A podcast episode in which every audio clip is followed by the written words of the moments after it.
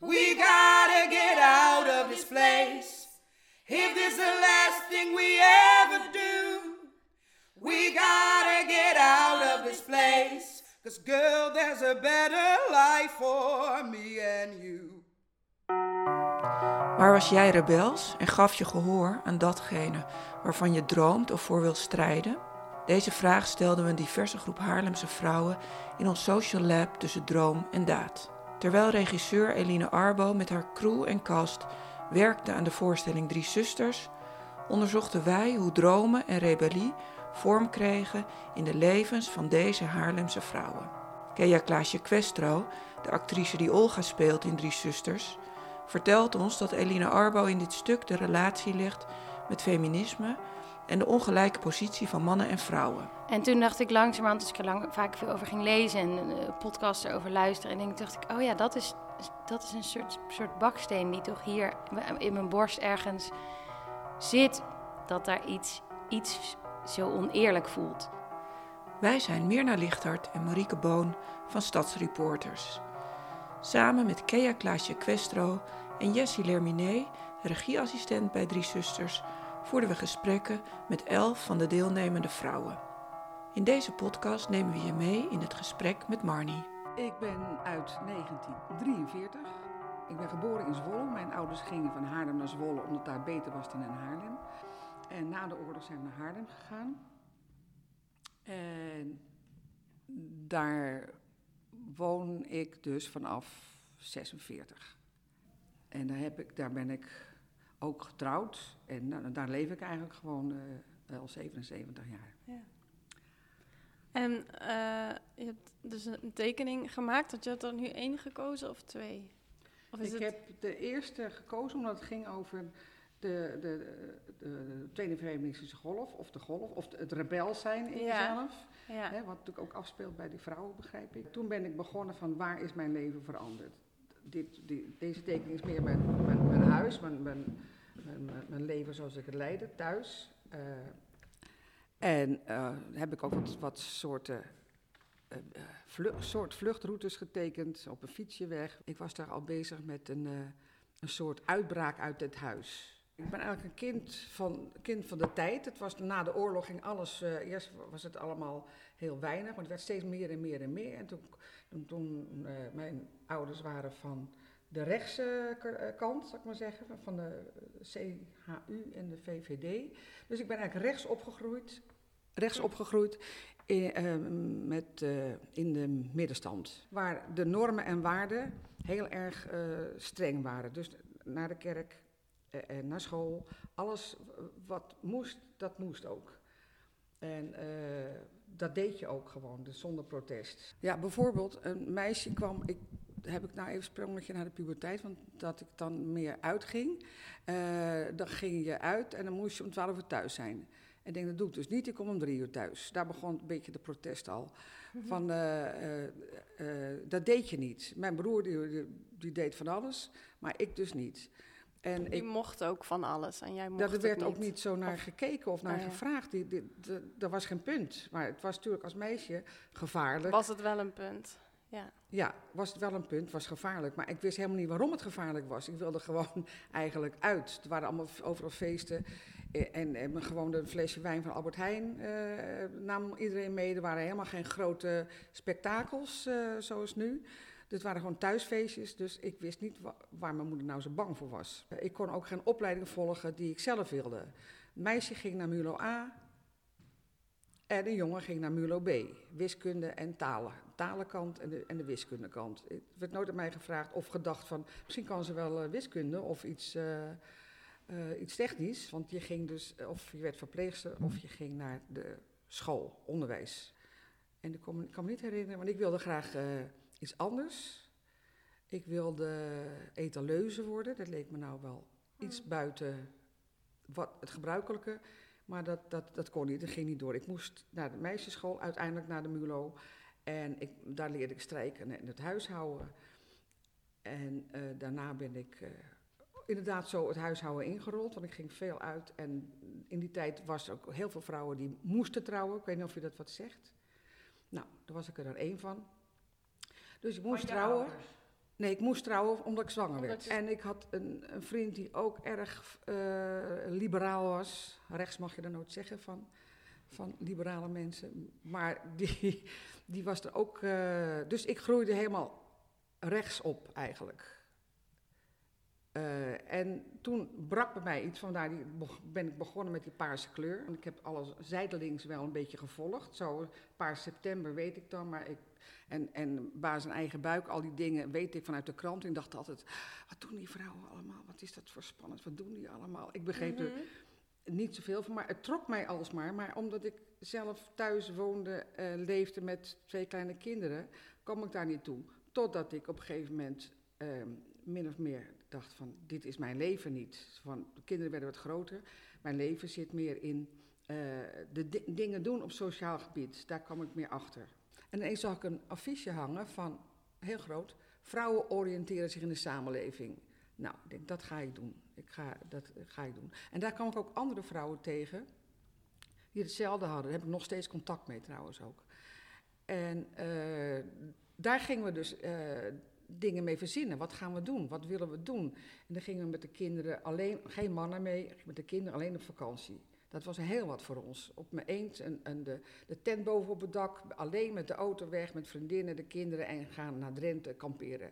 En, en, en, en gesprekken voeren natuurlijk. We deden niks anders dan gesprekken voeren over hoe het leven was, hoe, hoe je het zou willen en wat er niet, niet leuk aan was. En hoe je je vrijmaakte eigenlijk uit je bestaan. Daar gingen de gesprekken over. Heel veel. En op de camping.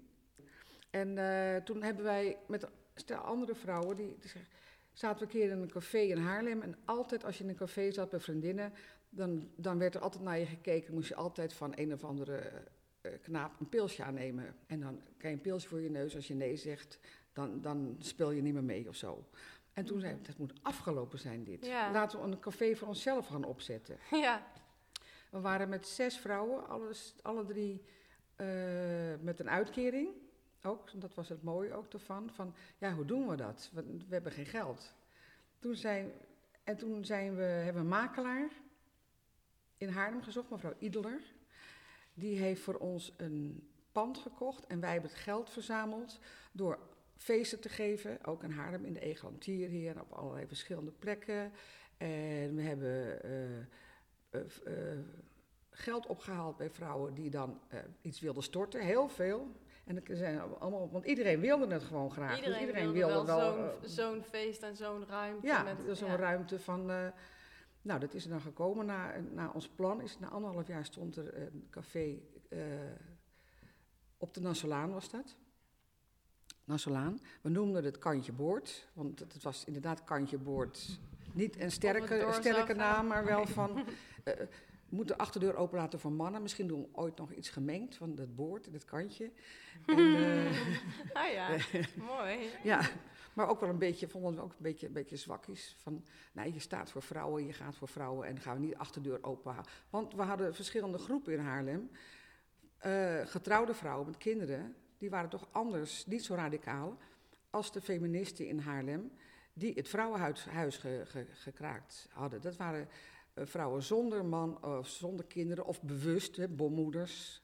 Die kozen voor een kind en niet maar gewoon toevallig een kind kregen, zoals de meesten. Van, het gaat nou helemaal zo. Dus daar waren allemaal groepen. En wij wilden eigenlijk ook die, allerlei groepen in huis halen. Of een huis, dat ze zich lekker bij ons konden voelen. En ook dat, er, eh, ook dat we geen lesbische stempel kregen. Dus niks tegen een lesbische stempel. Maar niet als café, dat daar eh, moeten ook hetero vrouwen kunnen komen. Want die, zitten, die hebben ook gewoon Ja, een eigen leven. en, ook naar. en ja. een eigen zegje te doen. Ja. Nou, dat is ons aardig gelukt, gelukt mag ik zeggen. We hebben vaak eh, we hebben heel veel eh, activiteiten gehad. Dit was van 83 tot 93. Dus we gingen ook dansen. Het weekend dansen. Nou, dat was allemaal stamvol. Altijd. Iedere zaterdag stamvol. Met alleen maar vrouwen. Ja, ja. En, en Dus ik ben, was eigenlijk een iets? beetje achter de, achter de feiten aan. Want de, de feministische golf was van 65 tot... Ik zat aan, we zaten wel aan het eind van... van, van die tweede feministische golf. Ja, Ja. ja, de vrouwen werden toen genoemd als klapstoel. vrouw is een klapstoel. Als je ze nodig hebt, dan haal je ze weer van stal. Als je niet nodig hebt, gaan ze weer naar huis. Ja. Ja, dat vond ik zo'n goeie, nog steeds. Want dat gebeurt nog steeds eigenlijk. Ja, dat Hè, denk ik de wel, klapstoel. ja. En je Ja. moet ook zorgen dat je daar eh, op je stoel blijft zitten en dat je niet opgeklapt kan worden. Dus je moet eh, blijven eh, leven en- en doen wat, je, wat, je, wat bij je past, eigenlijk. Wat een mooi verhaal, Marnie. En, en wat bijzonder ook om te horen dat, dat zo'n cursus en zo'n zo'n zo'n aanplakbiljet, hè, ik zie dat helemaal Ja. voor me, dat dat zo'n zo'n keerpunt in je leven Ja, kan zijn eigenlijk. dat, je blik valt ergens op en denk ik, dat is iets van mij. Want ik zag toen ook, die blik is ook gevallen dat ik drie vrouwentekens zag met een vuist erin. Die feministische eh, eh, teken. Hing ook een keer ergens op een, eh, op een raam. En ik wist bij God niet wat het betekent, maar dat slaat naar binnen. Iets wat je, wa- wat je raakt. En dan, dan denk ik dat je daar ook achteraan moet, als dat zo naar binnen komt. Ja, dankjewel. Ja. En hoe was het om voor jou om mee te doen met dit project en ver- verhalen van andere vrouwen te horen? Ehm, ja, dat het eigenlijk. Dat er wel andere type vrouwen zijn, ook wel, wel, wel ja, hoe moet ik het nou allemaal zeggen? Eh, die verhalen van vrouwen, denk ik, of ik nou nu zit in, in 2020 of 30 jaar geleden, het, eh, of ik nou nog in, mijn eh, in een café achter de bar sta, maar dat het eigenlijk een beetje nog hetzelfde is. Maar ik denk ook dat het niet zo opvalt voor anderen, omdat je niet zo hoeft te breken met iets. Je Ja. kan overal, eh, je- denk ik, dan jezelf Ja, er is zijn. nu een Of soort van overal schijnvrijheid ja, eigenlijk. ja je, kan, je kan overal je ingangen vinden. Of je dan verder komt, is een tweede natuurlijk. Maar je, kan, je hoeft niet zo eh, hard te vechten om, om, eh, om uit je bestaan te, te komen. Als je dat niet wil. Dit was een van de podcasts die voort is gekomen uit ons social lab tussen droom en daad. Dit lab kwam mede tot stand dankzij Jun Kwan Lo van de toneelschuur en in samenwerking met Eva Duurlacher. Het werd mogelijk gemaakt door het Bankgiro Loterijfonds en de BNG Langleven Kunstprijs. Onze dank gaat uit naar de vrouwen die meededen aan ons lab, die met zoveel moed en openheid hun verhalen met elkaar en met jullie gedeeld hebben. Graag verwijzen we naar de website van Toneelschuurproducties, backslash social lab streep tussen droom en daad. Daar zijn de gehele verhalen van de vrouwen te beluisteren en hun portret en tekeningen te zien. Ook nodigen we je graag uit de toneelschuur te bezoeken. Tijdens de speelperiode van Drie Zusters worden de tekeningen van deze vrouwen tentoongesteld. Wij zijn Mirna Lichthart en Marieke Boon van Stadsreporters. Als je meer van ons wil zien of horen, bezoek dan onze website www.stadsreporters.nl.